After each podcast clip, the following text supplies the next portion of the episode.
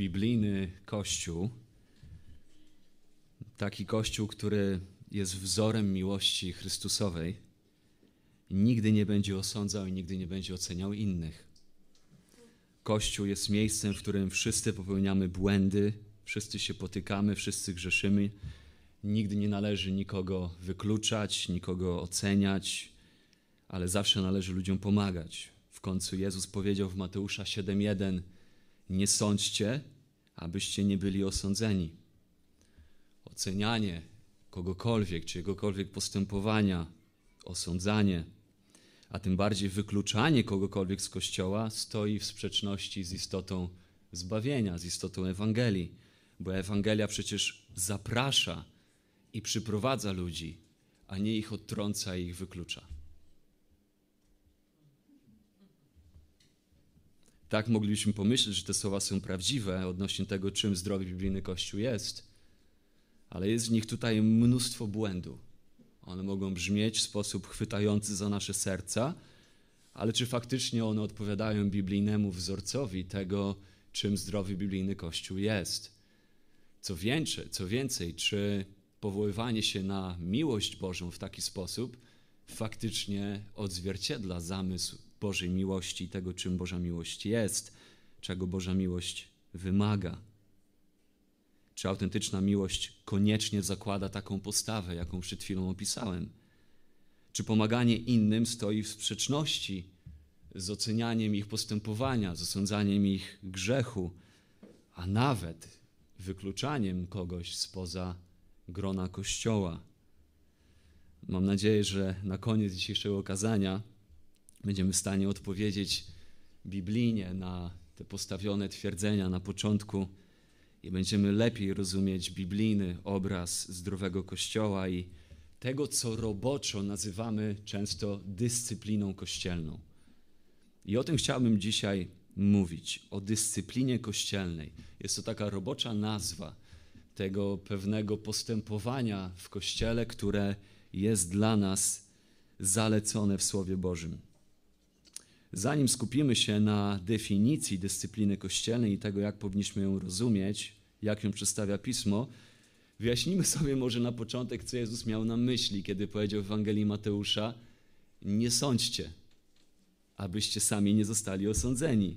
Jest to siódmy rozdział, pierwszy werset Ewangelii Mateusza. Przemek całkiem niedawno, stosunkowo niedawno miał e, kazanie, całe kazanie poświęcone temu fragmentowi. Odsyłam do naszego kanału YouTube, tam można to kazanie znaleźć. Bodajże zatytułowane jest Sędzia na ławie oskarżonych. No co Jezus miał na myśli, krótko mówiąc, tam w Mateusza 7:1. Tam bardzo wyraźnie Jezus zakazuje pewnej określonej formy osądzania. On zakazuje takiego osądzania, które jest pełne obłudy i hipokryzji. On tam zakazuje, konfrontuje postawę, która ciągle jest wyczulona na wyłapywanie błędów, potknięć, grzeszków, grzechów innych ludzi, nie zważając na to, że sama w sobie nosi belkę tego grzechu. Czepia się drzazg w oczach braci, nie widząc tego, że w jej własnym oku jest belka. Tam w Mateusza w siódmym rozdziale, jakbyśmy spojrzeli, to tylko sześć wersetów niżej widzimy, że Jezus już nie dość, że sam dokonuje osądu, to zakłada, że i my będziemy w stanie dokonywać osądu. Więc stwierdzenie pierwszego wersetu nie sądźcie nie jest stwierdzeniem absolutnym, bo w szóstym wersecie Jezus już sam zakłada pewnego rodzaju osąd, ocenę. Tam mówi o tym, żebyśmy nie dawali psom tego, co święte i nie rzucali perł między wieprze. No jeżeli to nie brzmi jak wydanie osądu o pewnych, pewnej kategorii ludzi, no to nie wiem, jak to brzmi. I ten osąd, który wydaje Jezus tam, jest założeniem, że my będziemy w stanie ten sam osąd wydawać. I że de facto nie będziemy rzucać perł między wieprze i dawać psom tego, co święte. Możliwość zastosowania tego wezwania jest zależna od naszej zdolności wydawania osądu, właściwej oceny, z jakimi ludźmi mamy do czynienia. A dalej w siódmym rozdziale od 13 wersetu to już w ogóle Jezus daje mocno do wiwatu. No bo tam poświęca aż 14 wersetów na czynienie rozróżnienia, osądu, oceny pomiędzy tych, którzy są zgubieni, a tych, którzy mają życie. I mówi, że jedni są na drodze do życia, a inni na drodze do śmierci. I nie boi się powiedzieć, że jedni są na drodze do śmierci, wydać osąd w ich temacie. Od wersetów 21 do 23 mówi, że niektórzy są fałszywymi wyznawcami, bo ich życie charakteryzuje nieprawość. I znowu wydaje osąd. Nazywa ich fałszywymi wyznawcami. Od wersetu 24 do 27 mówi o tym, że jest człowiek, który jest mądry, jest człowiek, który jest głupcem. A to zależy od tego, na jakim fundamencie będzie budował swoje życie. A w wersetach 15 do 27 rozdziału, pamiętajcie, to jest cały czas ten rozdział, który zaczyna się nagłówkiem Nie sądźcie, abyście nie byli osądzeni. Ten rozdział w większości jest niczym innym jak osądem. Ten rozdział jest osądem. I wersety 15 do 20 ostrzegają i nakazują. Zobaczcie, werset 15 7 rozdziału Mateusza. Strzeżcie się fałszywych proroków. Wzywa do osądu, do oceny tego, z kim mamy do czynienia, z jakimi prorokami, z jakimi nauczycielami. Strzeżcie się fałszywych proroków, nazywa ich fałszywymi prorokami. A dalej w wersecie 15 nazywa ich kimś, kto udaje owce, ale tak naprawdę są wilkami drapieżnymi. I w wersecie 16 i 20 wzywa do oceny, do osądu. Mówi, wy poznacie ich po ich owocach. Będziecie musieli być w stanie oceniać ich owoce i wydać osąd, wyciągnąć wniosek w oparciu o te owoce, które zobaczycie. No, jeżeli to nie brzmi jak osądzanie i ocenianie, to naprawdę nie wiem, jak to jeszcze może brzmieć. W pierwszym Koryntian, w piątym rozdziale, wersety 12 do 13, tam apostoł Paweł zwraca się do zboru w Koryncie takimi słowy. Czy to nie wasza rzecz, wasza jako zboru, jako kościoła, sądzić tych, którzy są w zborze? Tych, którzy są poza nami, sądził będzie Bóg. Wy usuńcie tego, który jest zły spośród siebie. Mamy klarowne wezwanie do wydania osądu, do oceny życia drugiego człowieka.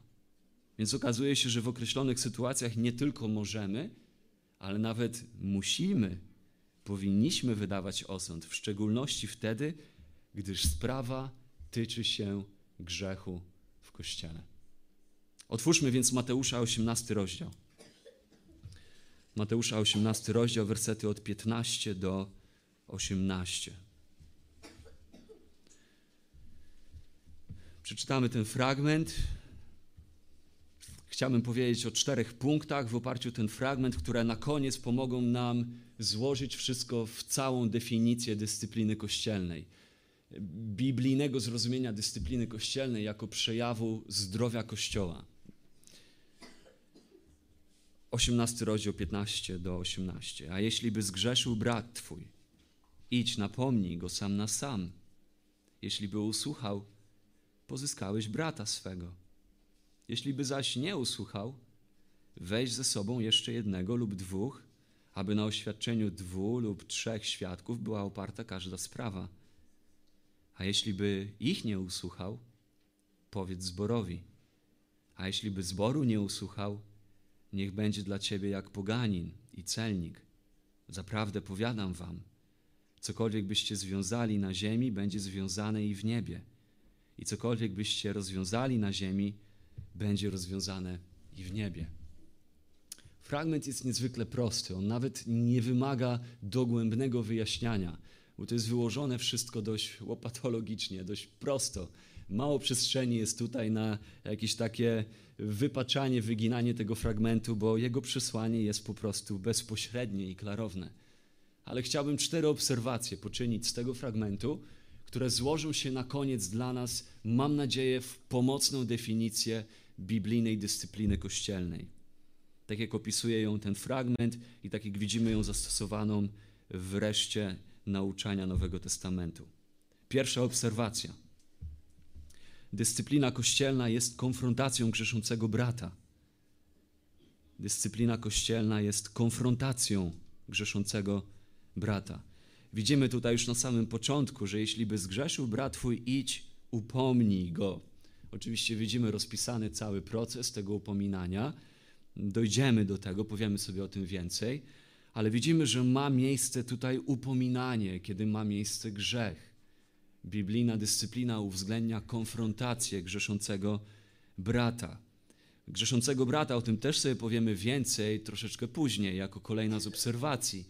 Dyscyplina kościelna dotyczy Kościoła, dotyczy tych, którzy składają wyznanie wiary o sobie, że są braćmi, czy są siostrami, że mają wspólne wyznanie wiary razem z nami odnośnie Chrystusa jako Pana i Zbawiciela.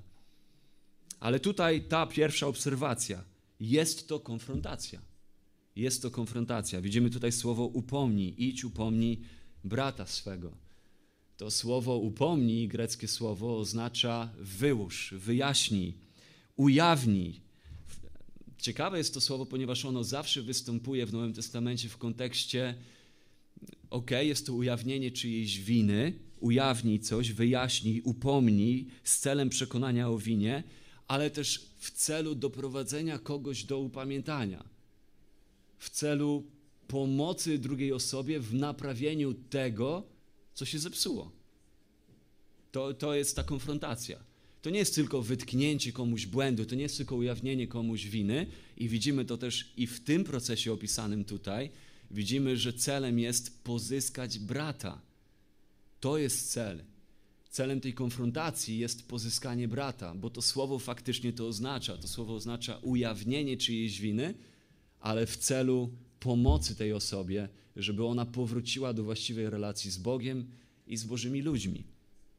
No ale mimo wszystko ma miejsce upomnienie, ma miejsce konfrontacja, pokazywanie komuś jego grzechu i przywoływanie go do upamiętania. I widzimy w Piśmie Świętym, że to może dotyczyć spraw pomiędzy dwogiem ludzi, jak tutaj w Mateusza 18-15 ma to miejsce. Jest tutaj jakiś grzech, który się wydarzył osobiście między dwogiem ludzi. Kiedy ten grzech jest skonfrontowany, brakuje tam upamiętania, nagle ten grzech staje się tak naprawdę sprawą całego zboru, ostatecznie sprawą całego kościoła. Widzimy też właśnie, że są też takie sprawy w kościele, które mogą od razu dotyczyć spraw całego kościoła, spraw publicznych. 1 Koryntian, 5 rozdział, werset 11. Tam widzimy, jak grzech pewnego mężczyzny od razu przechodzi do tej sfery bycia skonfrontowanym przez cały Kościół z pominięciem tych kroków idź, zrób to sam na sam, idź, zrób to w gronie świadków. Ale tutaj Paweł zwraca się do całego Kościoła i pisze tak, lecz teraz napisałem wam, abyście nie przestawali z tym, który mieni się bratem, a jest wszetecznikiem. Potem dodaje też inne grzechy, lub chciwcem, lub bałwochwalcą, lub oszczercą, lub pijakiem, lub grabieżcą, żebyście z takim nawet nie jadali. I tutaj widzimy, że każdy grzech w istocie staje się sprawą całego Kościoła, kiedy w tym grzechu brakuje upamiętania. Kiedy w przypadku danej osoby ma miejsce chęć trwania w tym grzechu i traktowania tego grzechu, jakby on nie był problemem. Więc widzimy, że każdy grzech tak naprawdę w momencie, kiedy brakuje mu upamiętania, staje się sprawą całego Kościoła, staje się sprawą publiczną. Może to być grzech herezji, szerzenia w Kościele podziałów, nauk niezgodnych z Pismem, Tytusa 3.10. Tytusa 3.10, a człowieka, który wywołuje odszczepieństwo, po pierwszym i drugim upomnieniu unikaj. Lub jak mówi inny przekład, człowieka heretyka po pierwszym i wtórnym napomnieniu strzeż się. Może to być nawet grzech po prostu życia nieporządnie, jak w drugim Tesaloniczan 3:6. Tam w kontekście Paweł odnosi się do osoby, która jest po prostu leniwa. Przyjęła postawę żerowania na dobroci innych ludzi i hojności innych ludzi. Nie chce się podjąć pracy, żyje nieporządnie, żyje jak leń. I tam apostoł Paweł pisze: Nakazujemy wam, nakazujemy bracia w imieniu Pana Jezusa Chrystusa, abyście stronili od każdego brata, który żyje nieporządnie, a nie według nauki, którą otrzymaliście od nas. Jak więc widzimy, to spektrum grzechów, które są napominane, jest, jest szerokie. Grzech w życiu brata, w szczególności taki, z którym wydaje się, że brat, siostra poszli na układ. Żyją sobie w zgodzie z tym grzechem. Tak jakby ten grzech był czymś normalnym, jakby on nie był problemem. I taka postawa wymaga konfrontacji, wymaga napomnienia. I zauważmy, że to dotyczy grzechu. Jeśli by zgrzeszył brat twój, to dotyczy grzechu. Nie dotyczy to moich preferencji. Nie dotyczy to upominania innych z powodu tego, że oni robią coś, co się nie zgadza z moimi upodobania, upodobaniami. To nie jest kwestia, która dotyczy różnic w temperamentach. To nie jest napominanie za, w kwestiach, w których różnimy się we wrażliwości naszego sumienia, w sprawach, które Paweł opisuje w Rzymian 14 rozdziale. O, odrębny temat, dłuższy, ale to też nie dotyczy wrażliwości naszych sumień. Tutaj widzimy, że to dotyczy klarownie grzechu, klarownego postępowania, które klarownie łamie przykazania Boże sprzeczne z Jego świętym charakterem. Bo skrajnością, skrajnością w Kościele jest postawa, która oczywiście wypacza Mateusza 7.1, czyniąc z Mateusza 7.1 podstawę do lekceważenia grzechu w Kościele. I taką postawę dzisiaj coraz częściej w Kościele można zaobserwować, że w imię miłości my nie konfrontujemy, nie oceniamy, otwieramy szeroko drzwi wejściowe, zamykamy drzwi wyjściowe, żeby każdy w Kościele mógł się czuć dobrze, nikogo nie oceniamy, nikogo nie osądzamy. To jest skrajność. Tak samo skrajnością jest postawa w Kościele, która wypacza Mateusza 18, wersety 15 do 18, która wypacza ten fragment, czyniąc z niego wymówkę do postawy ciągłego wyłapywania, wytykania, wyliczania, wypunktowywania grzechów innych, postawienia siebie w roli takiej wielkiej inkwizycji, takiego kościelnego policjanta, który ciągle chodzi wyczulony na błędy, potknięcia i grzechy innych i nic innego nie robi, tylko wylicza, jak to inni ciągle się potykają i popełniają grzechy. To też jest skrajność. Nie o takiej postawie mówi Ewangelia Mateusza, nie o takiej postawie mówi Nowy Testament. I też za chwilę spojrzymy na to szerzej.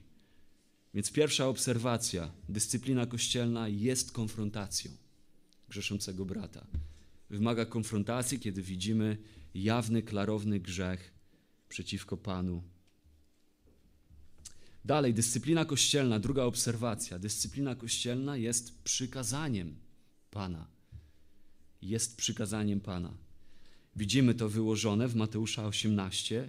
Widzimy tutaj, że to nie jest jakaś sugestia, to nie jest opinia Pana Jezusa na temat tego, co mogłoby być fajne, ale niekoniecznie konieczne Widzimy, że jest to nakaz. Widzimy w 1 Koryntian 5:12, że jest to nakaz dla Kościoła, że oni muszą osądzić, muszą ocenić tego brata, który żyje we wszeteczeństwie i wyłączyć go spośród siebie.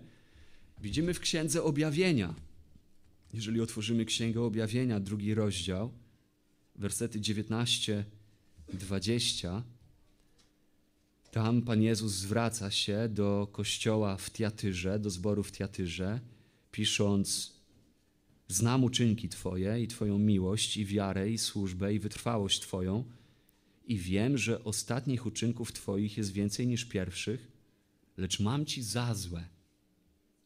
Co ma Jezus za złe zborowi w Tiatyrze?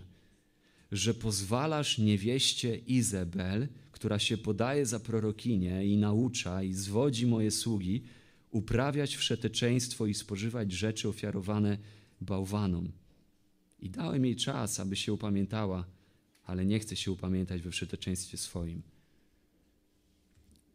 To, na co chciałbym zwrócić naszą uwagę, to na to, że Jezus ma za złe aniołowi zboru w Teatyrze, kimkolwiek ten anioł jest, czy to jest jeden z pasterzy tego kościoła, ten, który dostał odpowiedzialność przeczytania tego listu i który sprawuje opiekę e, nad tym kościołem, czy, czy, to, czy to jest ktokolwiek inny, czy to jest posłaniec, który dostarcza list, widzimy, że Jezus zwraca się do tego kościoła i ma za złe, że kimkolwiek jest ta Jezebel, bez wnikania w to, bo to jest odrębne kazanie, widzimy, że ona trwa w grzechu, a Jezus ma za złe temu kościołowi, że nie napomniał jej i że nie zwrócił jej uwagi i że nie rozprawił się z tym grzechem, który się wkradł w kościół w Tiatyrze.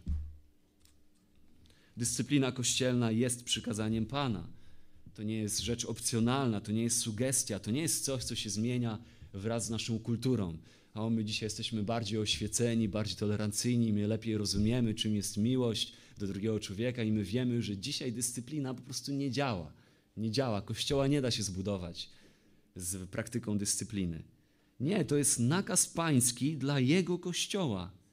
To jest Jego Kościół, który On buduje, to jest Jego wytwór, który podlega Jego zasadom, Jego słowu, podlega Jego woli.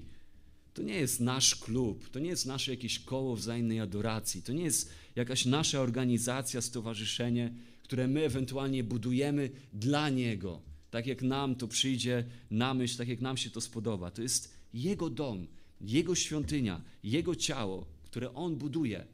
Ewentualnie robi to dla nas, dla naszego dobra. Nie tyle my dla Niego, co On tak naprawdę dla nas. Oczywiście są takie tematy, których trudno się naucza, bo one stanowią pewną biblijną tajemnicę wiary. Są troszeczkę poza zdolnością naszego umysłu, by je uchwycić, by je ogarnąć. Takimi tematami może być temat Trójcy, temat wcielenia Jezusa, jego prawdziwości, Jego boskości w połączeniu z prawdziwością Jego człowieczeństwa. Tych tematów jest kilka. Ale są też takie tematy, których trudno się nauczyć, nie dlatego, że są poza zasięgiem naszego poznania, poza zasięgiem naszego umysłu, nie dlatego, że są tajemnicze, ale po prostu dlatego, że budzą w nas silne emocje. Są trudne nie dlatego, że wykraczają poza nasze możliwości poznawcze, ale dlatego, że wykraczają poza dotknięte grzechem tendencje naszego serca i tego, co nam się wydaje, że byłoby lepsze dla Kościoła, byłoby właściwsze dla Kościoła. Są trudne do nauczania, bo po prostu wybiegają poza naszą kulturę, często splamioną grzechem, dotkniętą grzechem. Kulturę narcyzmu, egoizmu, indywidualizmu, konsumpcjonizmu, niezależności, samowystarczalności. Zdecydowanie jednym z takich tematów, ale bez wątpienia jasnych, mimo że trudnych, ale jasnych. Jako jasne przykazanie jest dyscyplina kościelna. Ona jest przykazaniem Pana. Trzecia obserwacja. Dyscyplina kościelna musi być motywowana miłością. Dyscyplina kościelna musi być motywowana miłością. Ona nie stoi w sprzeczności do miłości. Kościół nie wybiera pomiędzy kochaniem człowieka a poddaniem go dyscyplinie kościelnej. Poddanie człowieka dyscyplinie kościelnej, procesowi napominania, tak jak on opisany jest tutaj, jest wyrazem miłości do tego człowieka. Oczywiście ten proces, tak jak go praktykuje dany Kościół, może być pozbawiony miłości, ale wtedy to nie jest proces biblijnej dyscypliny. To jest proces czegoś innego, czegoś ludzkiego, co ten Kościół wymyślił. Natomiast tak jak opisuje go Słowo Boże, to jest to proces miłości. Jest to proces miłości. Widzimy to choćby w Mateusza 18, wersety 15 do 18. Widzimy, że dyscyplina kościelna nie jest wymierzeniem kary człowiekowi, który popadł w grzech, w postaci wyłączenia go z kościoła. Wywalamy cię, wymierzamy ci karę. Ale widzimy, że ta dyscyplina, ten proces jest działaniem mającym na celu znowu pozyskanie brata. To jest to, co motywuje Kościół w podjęciu się procesu dyscypliny. Motywacją jest pragnienie pozyskania brata. Jest pragnienie pomocy drugiej osobie. Jest pragnienie dobrze czynienia drugiej osobie.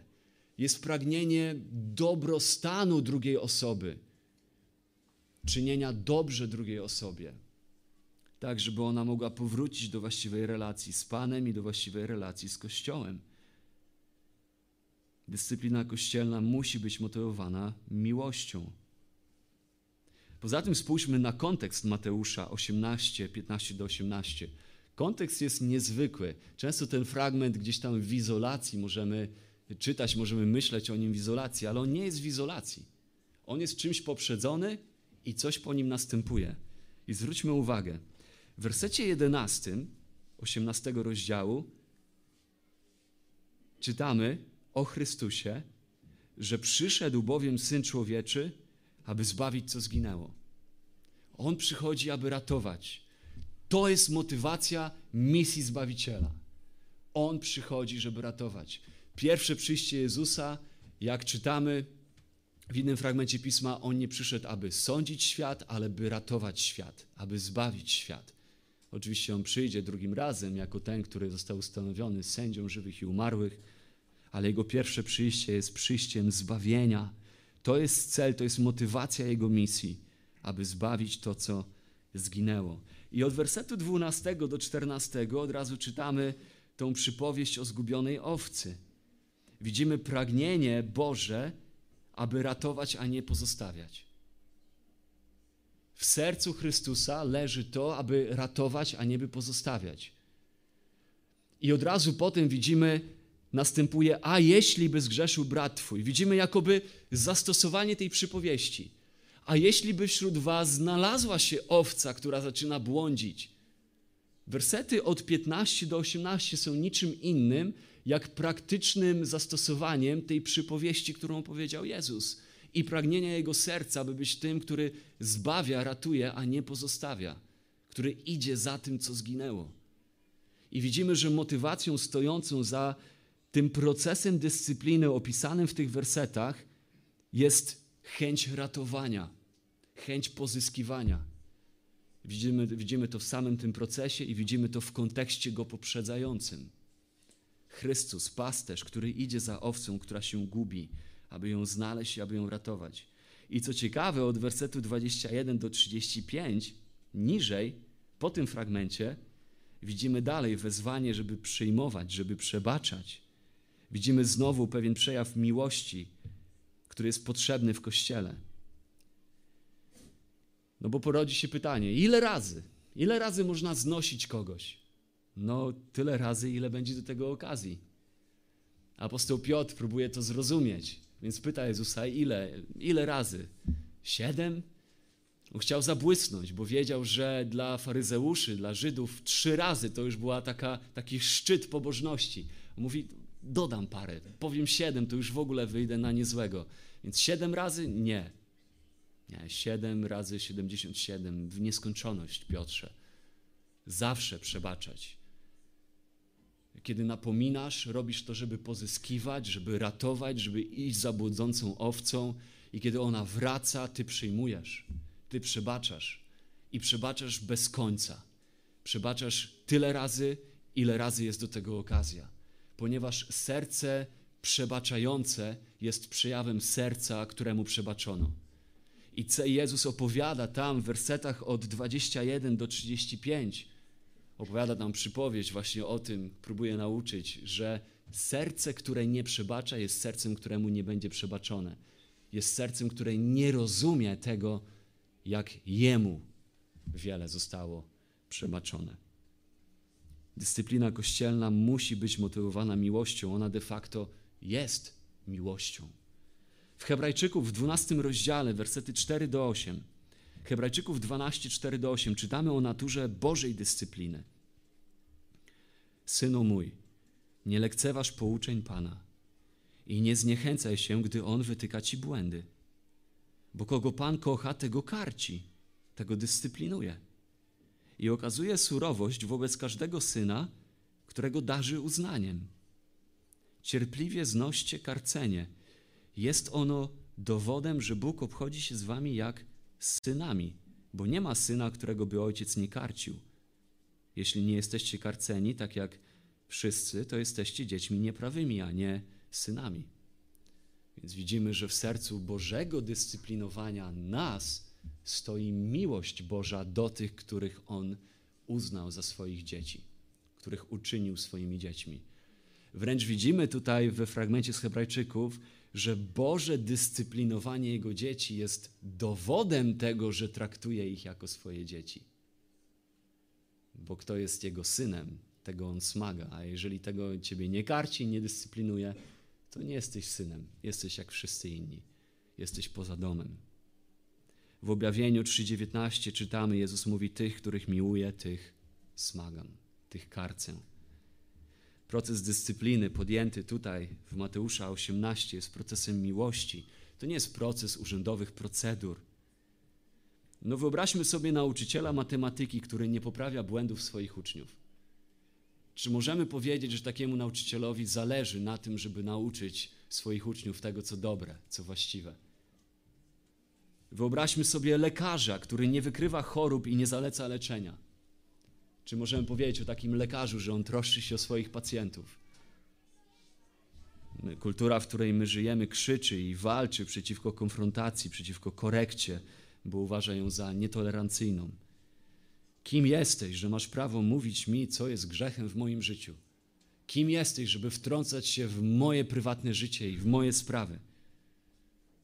Ale w procesie dyscypliny kościelnej realizuje się w praktyce biblijny obraz Kościoła jako ciała. 1 Koryntian 12 rozdział.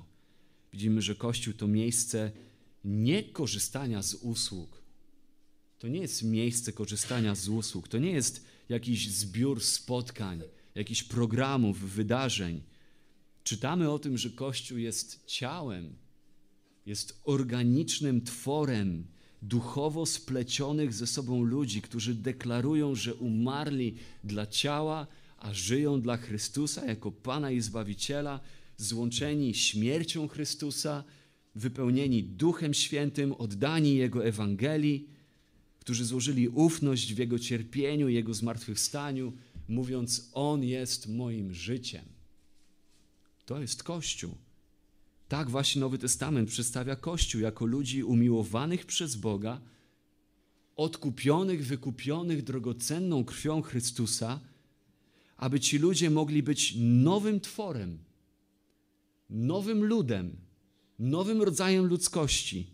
Ludzi organicznie, duchowo splecionych ze sobą tak, by troszczyli się o siebie, gościli siebie, służyli sobie, szanowali siebie, pouczali, wybaczali, motywowali siebie, budowali, pocieszali siebie, modlili się o siebie, wyznawali sobie grzechy, by siebie doceniali, by siebie napominali, by siebie uczyli, by okazywali sobie uprzejmość, by obdarowywali siebie, by radowali się i smucili ze sobą nawzajem, by cierpieli ze sobą nawzajem i żeby odbudowywali siebie duchowo, kiedy jest do tego konieczność i okazja. I to jest proces dyscypliny. Taka motywacja stoi za procesem dyscypliny, wynikająca z miłości, by odbudować tego, który wszedł w jakiś wzorzec życia, który niszczy jego życie i niszczy też wyznanie wiary, które on złożył. Tak wygląda miłość. Biblijna dyscyplina kościelna jest jednym z przejawów miłości. I przynajmniej na czterech poziomach, w czterech wymiarach. Biblijna dyscyplina jest wyrazem miłości wobec osoby, którą my dyscyplinujemy, którą poddajemy temu procesowi. O tym sobie już powiedzieliśmy, ponieważ grzech niszczy ludzi, grzech niszczy życie. Grzech jest destruktywny i bycie obojętnym wobec osoby, która w jakimś grzechu żyje, jest, bycie, jest byciem obojętnym wobec tej osoby. Bycie obojętnym wobec grzechu, który się pojawia w życiu danej osoby, jest byciem obojętnym wobec tej osoby i na to, w jakim kierunku idzie jej życie. Jakub pisze, Jakuba 5, 19, 20. Bracia moi, jeśli by ktokolwiek z was zszedł z drogi prawdy, a drugi go nawrócił, przywrócił, niech wie, że kto przywrócił grzesznika z jego błędnej drogi, wybawi duszę jego od śmierci i zakryje liczne grzechy. Miłość szuka sposobu, jak przywrócić grzesznika na drogę prawdy, na drogę życia. Celem dyscypliny kościelnej nigdy nie jest potępienie. To nie jest szukanie sposobu, jak kogoś ukarać, jak kogoś wyrzucić z kościoła. Celem, nadzieją zawsze jest odbudowanie życia z Bogiem takiej osoby. Więc dyscyplina wyraża miłość wobec tej osoby, którą my upominamy którą my konfrontujemy. Czy ma miejsce szorstkie napomnienie, czy delikatna prośba, zawsze na celu jest przywrócenie osoby do właściwej relacji z Bogiem i z Kościołem. Lepsza jest jawna nagana niż nieszczera miłość, pisze Salomon. Lepsza jest jawna nagana niż nieszczera miłość. Przypowieści 27, 5, 6. a razy przyjaciela są oznaką wierności, pocałunki wroga są zwodnicze. Po drugie, dyscyplina kościelna wyraża miłość wobec Kościoła. Jest wyrazem miłości wobec osoby, którą my poddajemy temu procesowi, ale jest też wyrazem miłości wobec Kościoła. W jaki sposób? No w taki, że dyscyplina kościelna biblijnie zastosowana ma na celu chronić Kościół. Chronić go przed zepsuciem, przed demoralizacją, przed utratą jedności i utratą czystości. W 1 Koryntian, w piątym rozdziale, tam w tym fragmencie, gdzie Paweł zwraca się do Koryntian, by oni zdyscyplinowali tego mężczyznę żyjącego we wszeteczeństwie. Tam Paweł nakazuje, 1 Koryntian 5, 7, usuńcie stary zakwas, abyście byli nowym ciastem, jako że jesteście przaśni. Kwas tutaj służy Pawłowi za obraz grzechu. I pisze o tym, jak odrobina kwasu dodana do ciasta zakwasza całe ciało. Pisze o tym w szóstym wersecie piątego rozdziału. I w kontekście tego obrazu Paweł mówi, że trzeba usunąć człowieka, który uparcie trwa w grzechu, który w procesie dyscypliny kościelnej składa świadectwo człowieka, który bardziej kocha grzech, pokochał ten grzech, który jest w jego życiu, poszedł z nim na zgodę, brakuje mu upamiętania i taki człowiek powinien być usunięty, jak kwas z ciasta, żeby chronić zakwaszenie całego Kościoła, chronić społeczność Kościoła, czystość Kościoła, żeby w ten sposób mogła być odzyskana, aby grzech jeszcze bardziej po ludziach się nie rozszedł. Poddanie dyscyplinie kościelnej człowieka, który trwa uparcie w grzechu, jest wyrazem miłości do Kościoła, troską o czystość Kościoła, ochroną Kościoła. Kiedy Kościół przeciwstawia się grzechowi, no to wtedy społeczność tego kościoła zaczyna dostrzegać powagę grzechu, zaczyna dostrzegać konsekwencje grzechu. Dyscyplina chroni przed zepsuciem, przed degradacją moralną. Weźmy na przykład osobę, która zaczyna powodować podziały, zaczyna plotkować, zaczyna bezpodstawnie oskarżać, rzucać różnego rodzaju oszczerstwa. Jeżeli nic z taką osobą Kościół nie robi, nikt w Kościele nie konfrontuje tej osoby, w imię miłości, w imię niechęci, żeby robić coś niewygodnego, trudnego, albo myśli, że to nie będzie miłość, jeżeli powie się o tej osobie, o tym, że to, co robi, jest złe, no to co się stanie wkrótce? Wkrótce stanie się tak, że to już nie będzie jedna osoba, która plotkuje, to już nie będzie jedna osoba, która rzuca oszczerstwa, oskarża braci i niszczy jedność w kościele, tylko tych ludzi zacznie być więcej. Stanie się to normą życia kościoła. To zacznie definiować kościół. Obmawianie, plotkowanie, zacznie burzyć, niszczyć, zacznie, zacznie podkopywać autorytety, zacznie dzielić ludzi. Nagle w kościele zaczniemy zauważać obozy i będzie miała miejsce wewnętrzna walka. Albo weźmy pod uwagę osoba, która w ogóle nie bierze udziału w życiu społeczności. Nie opuszczajcie wspólnych spotkań waszych, mówiliśmy o tym ostatnio. Co, co będzie miało miejsce, kiedy jest, są wśród nas ludzie, którzy nigdy nie biorą udziału w życiu społeczności, ale nadal postrzegani są, jakby wszystko było ok. Jakby to było ok w życiu chrześcijańskim, nie być w społeczności. Mówią, przerzucili się na kościół online. No w sumie mamy transmisję, więc korzystają z transmisji. Mówią o sobie, że są częścią tego kościoła i nikt nic z tym nie robi. Nikt z nimi nie rozmawia, nikt nie próbuje ich pocieszać, bo może są słabi i dlatego się nie pojawiają w społeczności. Nikt nie próbuje ich konfrontować, bo może oni przyjęli postawę tak naprawdę buntu i uważają, że to jest ok, że Słowo Boże nie tyczy się ich, kiedy mówi nie opuszczajcie wspólnych spotkań. Co wkrótce się stanie? No wkrótce będzie więcej osób, które przychodzą w taki sam tryb pobożności. I nagle Kościół stanie się kościołem nominalnym. Ja pamiętam, jak rozmawiałem po czasie pandemii jednym z, jedną z osób z kościoła w Warszawie i dużego kościoła i pytam go, jak wygląda sytuacja po pandemii. On mówi, no, nieciekawie. Przed pandemią w kościele było po 250-300 osób, a teraz jest po 100. A teraz jest po 100 i Kościół zmaga się z tym, żeby ludzie wrócili do kościoła. I to jest dokładnie to, co się dzieje. Nagle Kościół staje się kościołem nominalnym. Ludzie przychodzą w tryb nominalnego chrześcijaństwa. Nagle nasze chrześcijaństwo nie wygląda inaczej od tego, od czego my twierdzimy, że wyszliśmy Bardzo często, niemal każdy z nas wyszedł z kościoła rzymskiego, gdzie nasza pobożność była pobożnością nominalną, od niedzieli do niedzieli, albo od chrztu do chrztu, od ślubu do ślubu, od pogrzebu do pogrzebu, od Wielkanocy do Wielkanocy. Jeżeli nie będziemy poważnie traktować zbawienia i standardów Bożych, to niewiele trzeba czasu, żeby Kościół stał się po prostu jak świat. Stał się miejscem, w którym roznosi się grzech po ludziach. W Koryncie, tam w zborze, grzech stał się już tak powszechny, że oni nawet szczycili się ze swojej tolerancji, ze swojej miłości wobec mężczyzny, który, który żył w grzechu. I Paweł do nich przychodzi z tym listem i mówi: To nie jest powód do chluby. To jest powód do tego, że wy powinniście się wstydzić, że do tego doszło. Ten człowiek już dawno powinien być napominany. W nim jest brak upamiętania, on powinien być wyłączony spośród was. Powinniście boleć nad tym, powinniście smucić się, usunąć tego człowieka spośród siebie. Z uwagi chociażby na dobro Kościoła jako całości, pisze Paweł, bo odrobina kwasu cały zaczyn zakwasza. Po trzecie, dyscyplina kościelna, biblijna dyscyplina kościelna wyraża miłość wobec świata. Wyraża miłość wobec świata, ponieważ wydaje świadectwo autentyczności i mocy Ewangelii. Mateusza 5 rozdział, werset 16. Mateusza 5:16. Tak niech wasza światłość świeci wobec wszystkich, niech ludzie zobaczą wasze szlachetne czyny i wielbią waszego Ojca w niebie.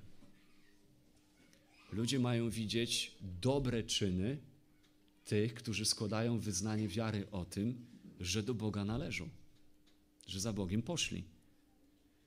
Pismo jasno uczy, że Kościół ma się wyróżniać ze świata. Jest w świecie, ale nie ma żyć, jakby był z tego świata.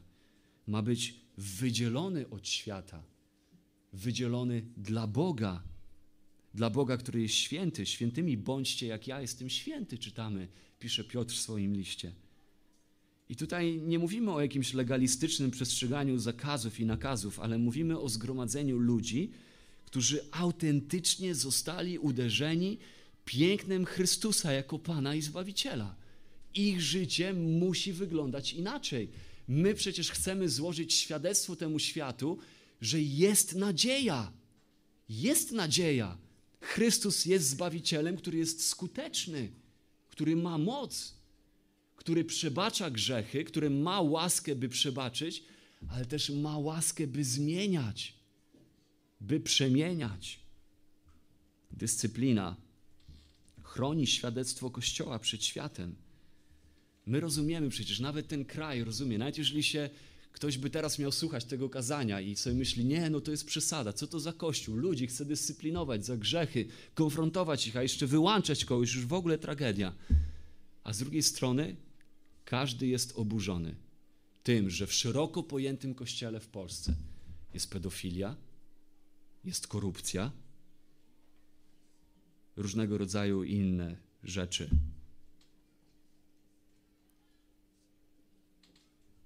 Tylko,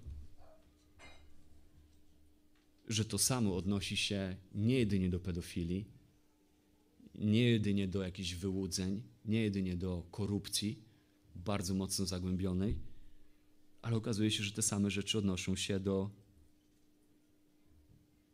oszczerstw, do plotkarstwa, do postawy lenistwa, że to samo odnosi się do kłótni, do przejawów pychy, egoizmu.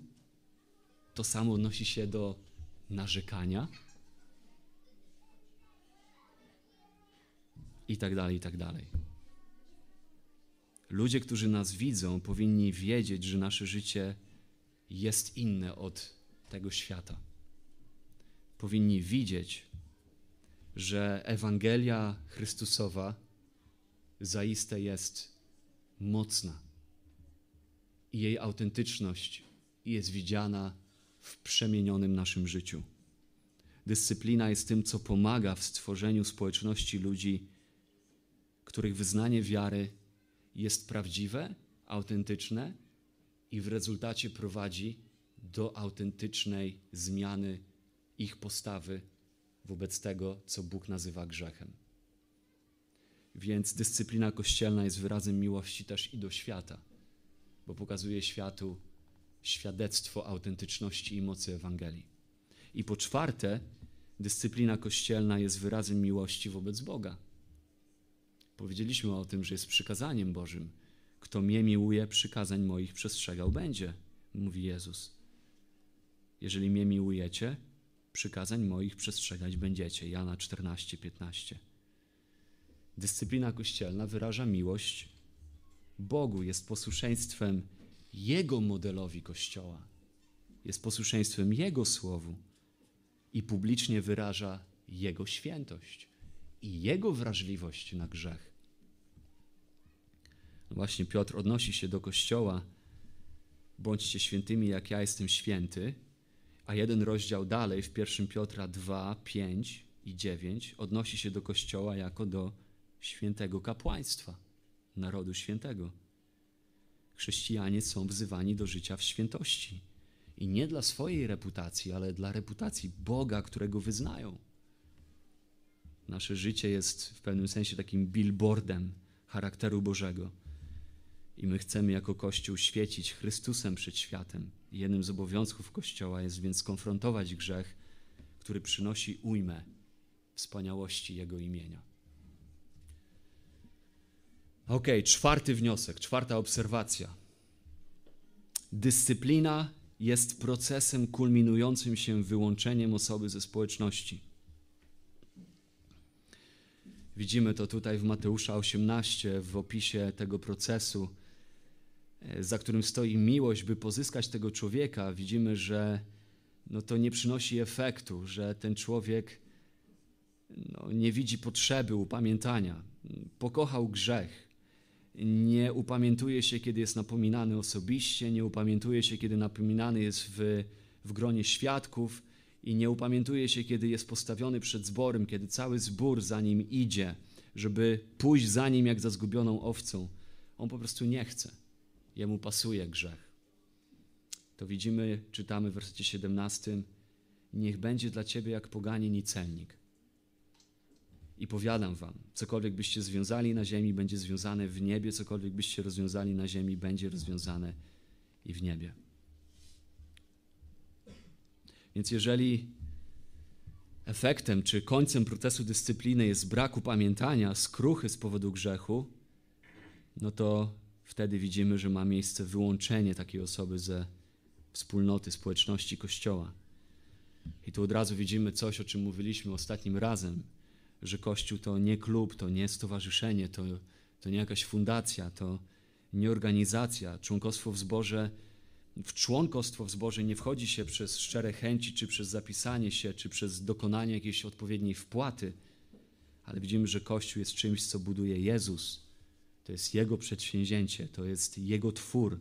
Zbudowany On jest z tych, których serca dotyka sam Bóg, ukazując tym sercom, oczom tych ludzi, ukazując, że posłany przez Niego Chrystus jest Synem Bożym, jest obiecanym Mesjaszem, jest Zbawicielem grzeszników. I w tym sensie w Kościół my się nie włączamy, ale my zostajemy włączeni przez Boga, kiedy On ożywia nasze serca i popycha nasze serca do zawierzenia swojego życia Jezusowi. I tu widzimy, że zbór, lokalny kościół otrzymuje konkretne wezwanie do wydania osądu, do wydania oceny, do określenia zasadności w takim razie złożonego wyznania wiary danej osoby. I ten wniosek, ten osąd, to określenie zasadności wyznania wiary tej osoby następuje w oparciu o braku pamiętania tej osoby. Bo jeżeli by nie usłuchał, ostatecznie i zboru, będzie dla ciebie jak poganin i celnik. I tam w wersecie 18 też widzimy coś, o czym już mówiliśmy, że zbór jest autoryzowaną przez Chrystusa instytucją, ciałem, organiczną organizacją, zorganizowanym organizmem, do tego, by związywać i rozwiązywać sprawy w odniesieniu do wiarygodności, prawdziwości złożonego przez kogoś wyznania wiary. To jest to, co tu widzimy pojawia się człowiek, który mówi: Ja jestem chrześcijaninem. Ja wierzę w Chrystusa. W życie jego wchodzi człowiek, który mówi: Ale przecież w Twoim życiu jest grzech. I ten człowiek mówi: Nie czepiaj się mnie, nie Twoja sprawa. Więc gdzieś tam na którymś etapie przychodzi grono ludzi do jego życia i mówi: Ty nazywasz się chrześcijaninem, to przecież wiesz, do jakiego życia wzywa nas Pan i Zbawiciel Chrystus, którego Ty wyznajesz. On mówi: Zostawcie mnie, to nie Wasza sprawa. Więc sprawa jest postawiona przed zborem, cały zbór za nim idzie i mówi: Bracie, nie możesz tak żyć. Czy zapomniałeś o tym, za co umarł Chrystus? Czy nie rozumiesz, co Słowo Boże mówi, do czego wzywa nas? Czy nie rozumiesz, jakie świadectwo wyznajesz, jakie świadectwo wydajesz na temat Ewangelii i jej autentyczności przed światem, dla którego my chcemy być dobrą nowiną? Nie czepiajcie się mnie. To nie wasza sprawa. To jest moje życie. I wtedy widzimy w wersecie 18, końcówka 17 i 18, to Kościół wtedy jako całość jest autoryzowany, by powiedzieć, wyznanie wiary tego człowieka nie pokrywa się z jego życiem, jego życie nie pokrywa się z wyznaniem jego wiary, i my musimy publicznie powiedzieć: Ty nie żyjesz jak chrześcijanin. Zobaczmy, że ten człowiek, który w wersecie 15 jest bratem, w wersecie 17 jest już celnikiem i grzesznikiem, ponieważ jego postępowanie wydało świadectwo które jest sprzeczne ze złożonym przez niego wyznaniem wiary. I Kościół jest tutaj autoryzowany, by związywać i rozwiązywać. Jezus tutaj sankcjonuje, autoryzuje Kościół do wydawania osądu o osobie z wersetów 15 do 17, o ile taka osoba nie okaże skruchy z powodu ujawnionego i konfrontowanego grzechu. Kościół mówi niestety, ale na tyle, na ile możemy powiedzieć, w oparciu o dane, którymi dysponujemy, jesteśmy zobowiązani powiedzieć, że nie jesteś chrześcijaninem i nie możesz być częścią tej społeczności. Jesteś raczej chyba poganinem, bo Twoje życie na to wskazuje. Brak upamiętania na to wskazuje. Oczywiście tutaj się odezwie głos naszego indywidualizmu, autonomii, narcyzmu, który mówi, że najwyższym autorytetem w określaniu tego, na co wskazuje moje życie, jestem ja a nie ktokolwiek inny. Przychodzę do kościoła nie po to, żeby ktoś mnie oceniał i oceniał wyznanie mojej wiary i spójność życia z nim. A jednak to właśnie kościół lokalny, zbór w piśmie jest ustanowiony, żeby to robić. Najważniejszym głosem w ocenie mojego duchowego stanu, poza Duchem Świętym, nie jestem ja, ale jest Kościół. O tym mówi ten fragment. Taki jest biblijny obraz obraz dyscypliny kościelnej, w wyniku której albo uzyskujemy potwierdzenie, że serce osoby jest odrodzone, więc właściwie reaguje na napomnienie, albo widzimy rosnącą zatwardziałość na Boże Słowo, na korekty, zachęty, napomnienia, wydając owoc świadczący o zatwardziałości tego serca. Taka uwaga. Przecież wszyscy grzeszymy, mamy swoje za uszami, w naszym życiu obecne są różnego rodzaju konkretne grzechy. Prawda? Wszystkich nas to dotyczy. To pamiętajmy, że cechą wyróżniającą chrześcijan nie jest perfekcja.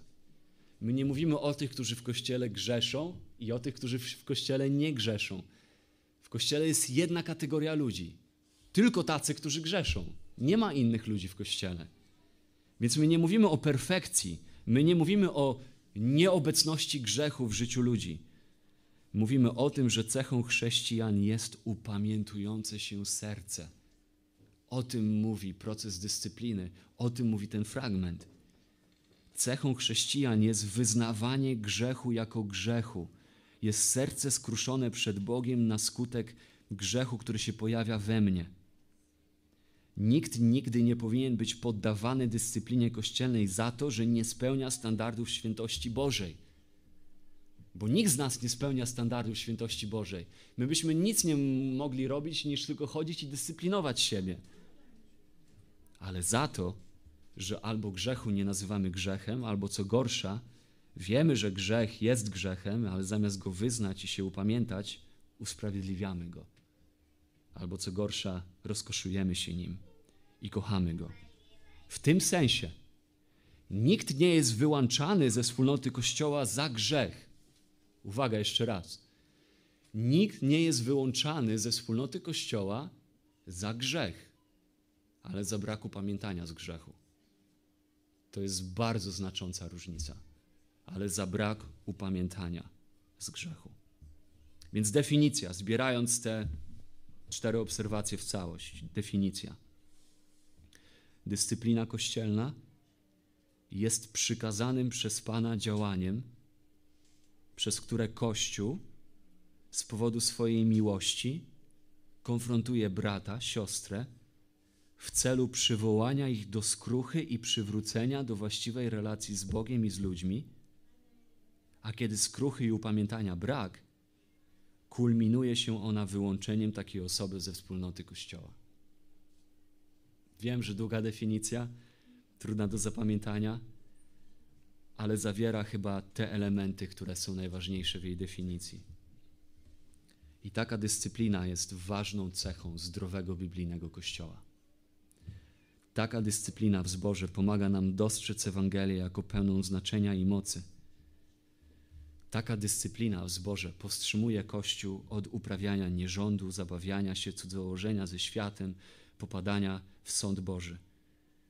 Taka dyscyplina pomaga w przemianie nas jako Kościoła w naród święty, bez skazy, przygotowany na dzień, kiedy przyjdzie oblubieniec. Ukazuje, że Bóg radykalnie przebacza a w wyniku radykalnego przebaczenia radykalnie zmienia. Pokazuje, że tym, którym wiele przebaczono, że ci, którym wiele przebaczono, są tymi, którzy wiele miłują. Taka dyscyplina wystawia moc Ewangelii na pokaz, podczas gdy zdrowe kościoły coraz silniej odzwierciedlają Bożą świętość i Bożą miłość. Taka dyscyplina jest przejawem zdrowego biblijnego kościoła, pobudza uczniostwo, motywuje świętość, pobudza ewangelizację, czyni Ewangelię atrakcyjną dla ludzi z zewnątrz. Taka dyscyplina sprawia, że Pan Kościoła jest atrakcyjny dla ludzi z zewnątrz. Można powiedzieć, że dyscyplina w Kościele sprawia, że Kościół zaczyna bardziej wyglądać jak zielona oaza świeżej wody pośród szerokiej, wypalonej słońcem pustyni, jaką jest ten świat. I jaką są kościoły cielesne kościoły, które niewiele wspólnego mają ani z prawdą, ani z mocą Ewangelii.